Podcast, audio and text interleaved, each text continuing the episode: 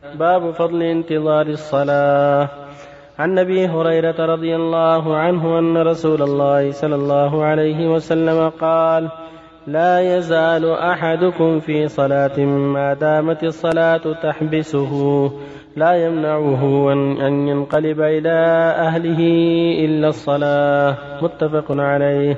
وعنه رضي الله عنه أن رسول الله صلى الله عليه وسلم قال الملائكة تصلي على أحدكم ما دام في مصلاه الذي صلى فيه ما لم يحدث. تقول اللهم اغفر له اللهم ارحمه.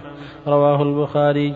وعن أنس رضي الله عنه أن رسول الله صلى الله عليه وسلم أخر ليلة صلاة العشاء إلى شطر الليل ثم أقبل علينا بوجهه بعدما صلى فقال صلى الناس ورقدوا ولم تزالوا في صلاة منذ انتظرتموها.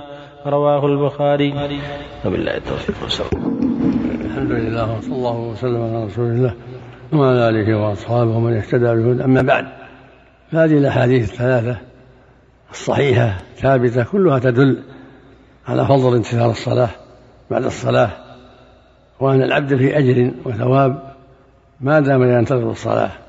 وهكذا بعد الصلاة ما دام في مصلاه فإن الملائكة تستغفر له تدعو له بالرحمة والمغفرة ولا يزال في صلاة من انتظر الصلاة. ولهذا صاح عليه سنه قال ما من عبد يطهر في بيته. ثم يسعى إلى مسجد مساجد الله إلا كانت إحدى خطاة يكتب بها درجة والأخرى تحط خطيئة. فإذا وصل المسجد فلا يزال في صلاة من انتظر الصلاة. والملائكة تصلي عليه. تقول اللهم اغفر له اللهم ارحمه اللهم صل عليه اللهم تب عليه. ما لم يؤذي أو يحدث. يؤذي يعني بغيبة أو نميمة أو كلام رديء أو يحدث ينقض الطهارة.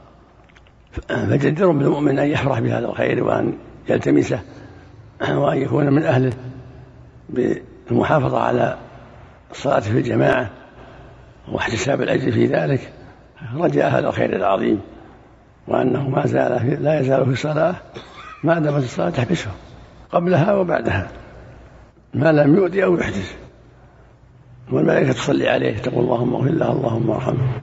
كذلك يكون صلى عليه ذات يوم ذات ليلة فأخر العشاء إلى شطر الليل شغل فأخرها إلى آخر وقتها.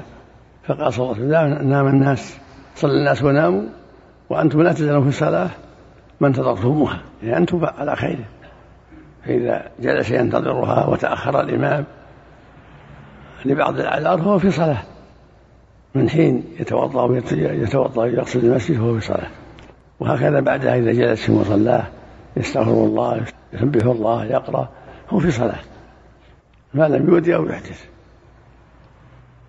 فالصلاة كلها خير. أداؤها خير وانتظارها خير والسعي إليها خير. فهي كلها خير. ولهذا جاء في الحديث واعلموا أن خير أعمالكم الصلاة. فيها ذكر الله فيها قراءة القرآن فيها تعظيم الله بالركوع والسجود فيها تعظيم الله بالتسبيح والتقديس فيها دعاءه وسؤاله وطلب جهوده ومغفرته. فيها عبادات كثيرة. والمحروم من حرم هذا الخير العظيم. والله جل وعلا ذم المنافقين بتكاسلهم وتأخرهم عنها. إن المنافقين يخادعون الله وخادعهم وإذا قاموا إلى الصلاة قاموا كسالى.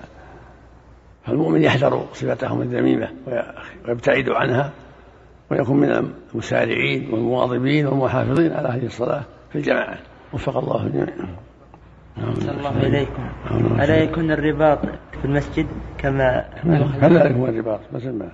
سماه النبي سماه رباط صلى الله وسلم عليه الجلوس في المسجد عند الصلاة رباط وهكذا انتظارها ولو ما جلس. على باله يراقب وقتها حتى يحضر. هو في رباط. اللهم صل عليه وسلم. عليك يا شيخ. بالنسبة للإنسان يطوف بالبيت قضى بعض الأشواط ثم حصل عليه الحدث هل آه يذهب لأجل أن يجدد الوضوء أم يتم الطواف؟ مثل الطواف مثل الصلاة. الطواف مثل الصلاة. إذا أحدث ينقطع يذهب يتوضأ أو يعيده من أوله. يعيد الطواف من أوله. طيب السؤال الثاني هل يبدأ آه، مرة ثانية أو يكمل؟ لا يبدأ من من الحجر. يبدأ الطواف من الحجر. اللي ذهب منه لاغي حتى ولو ستة أشواط ولو ولو. يبدأ يعيد كله. كالصلاة التي أحدث فيها. كالصلاة. إذا أحدث فيها يعيدها من أوله. نعم.